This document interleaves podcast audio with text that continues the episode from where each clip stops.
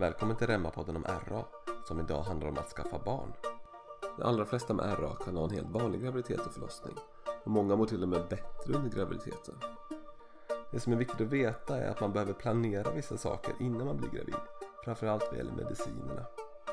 Den vanligaste medicinen metotrexat måste till exempel avslutas tre månader innan man planerar graviditeten och det gäller både som man och kvinna. Men hur är det med andra mediciner och hur är det med amning? Detta och mycket mer pratar vi idag med Lena Karlberg om som är reumatolog på Sahlgrenska och som arbetar i vårt mamma-barn-team. Vi som gör podden heter Martin Joelsson, Jonas Mårtensson och Marit Stockfeldt. Välkommen till Reumapodden om att skaffa barn. Om man har RA och vill skaffa barn, vad är viktigt att tänka på inför det? Det viktigaste tycker jag är att man tidigt börjar prata med sin reumatolog. Eh, både om man är man och om man är kvinna. Därför att vissa av våra läkemedel behöver anpassas till, en, eh, till att skaffa barn. Okej, och hur lång tid innan ungefär ska man ta upp det med sin reumatolog? Eh, gärna ett helt år i förväg. För vissa av våra läkemedel vill vi undvika att ge eh, kommande året innan graviditeten.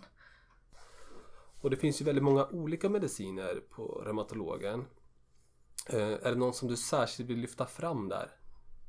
Ja, en av våra allra vanligaste mediciner är ju metotrexat. Eh, och när det gäller metotrexat så ska vi dels tänka på för kvinnor och män att behandlingen ska avslutas tre månader innan man försöker skaffa barn. Eh, och för kvinnor ska vi dessutom tänka på att det behövs extra tillskott av folsyra. Mer än den vanliga rekommendationen för gravida kvinnor. Och det påbörjas då när man avslutar metotrexatbehandlingen. Om man som RA-patient eh, har svårt att få barn, är det något särskilt man ska tänka på då? Det finns ju ett par saker som man kan tänka på när det gäller medicin. Och när det gäller de receptfria läkemedlen så är den här gruppen som vi kallar NSAID, det kan vara till exempel Ipren eller Ibumetin eller Naproxen. Har man sett kan påverka både ägglossning och implantation av ägg.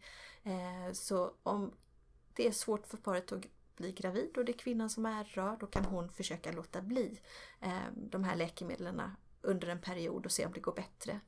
Eh, och man har även sett för män när det gäller NSAID att det kan vara en fördel att avstå om man har svårt att bli gravid. Och för männen finns det också en av våra antireumatiska mediciner som eh, minskar antalet spermier. Det är inte så att det blir fel på dem på något vis.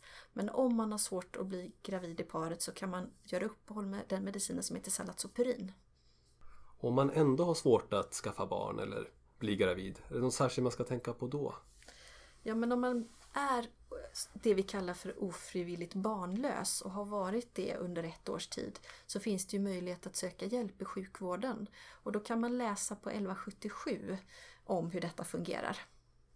Och det här med graviditeten och förlossningen, kan man då ha en vanlig graviditet och förlossning om man har RA generellt? De allra flesta kvinnorna har både en vanlig graviditet och en vanlig förlossning. Eh, det finns en grupp eh, där, man, där vi försöker tänka i förväg.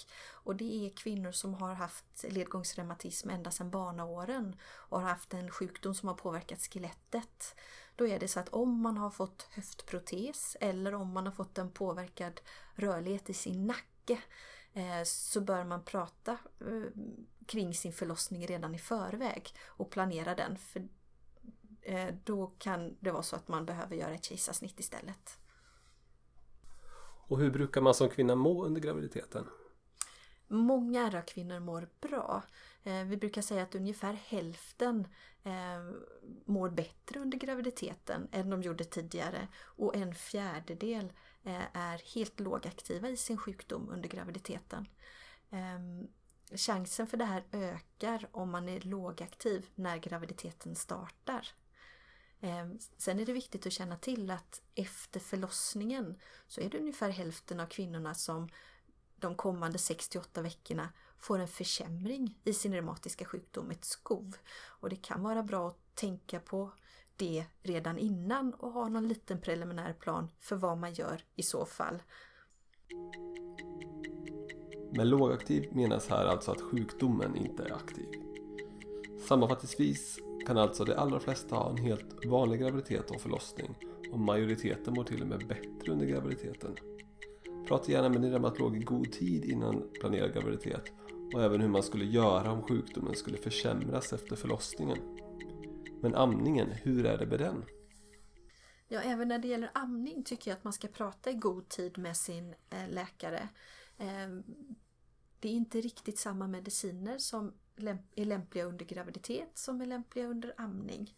Eh, och generellt kan vi säga när det gäller sådana här kortverkande inflammationsdämpande läkemedel att vi inom reumatologin tycker att man kan använda när man verkligen behöver i låga doser de kortverkande varianterna och att om möjligt att man tar det direkt efter amning för att påverka barnet så lite som möjligt.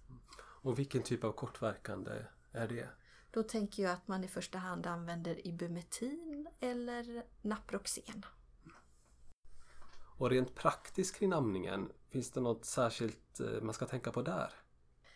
Man kan göra så att man pratar med en arbetsterapeut och det gäller både sittställning vid amning, vilka hjälpmedel det finns och så ska man tänka på att arbetsterapeuten är en stor resurs när det gäller att diskutera lyft och bärteknik när man har speciella behov och också vad det finns för hjälpmedel att använda. Eh, och många kvinnor undrar också hur man kan göra med träning under graviditeten och efter förlossningen. Och där har vi våra fysioterapeuter som är till mycken hjälp. Bra, men då tackar vi dig så mycket för det Lena. Mm, tack själv. Det var dagens avsnitt. Tack för att du har lyssnat. Har du frågor eller funderingar, hör gärna av dig till reumapodden vgregion.se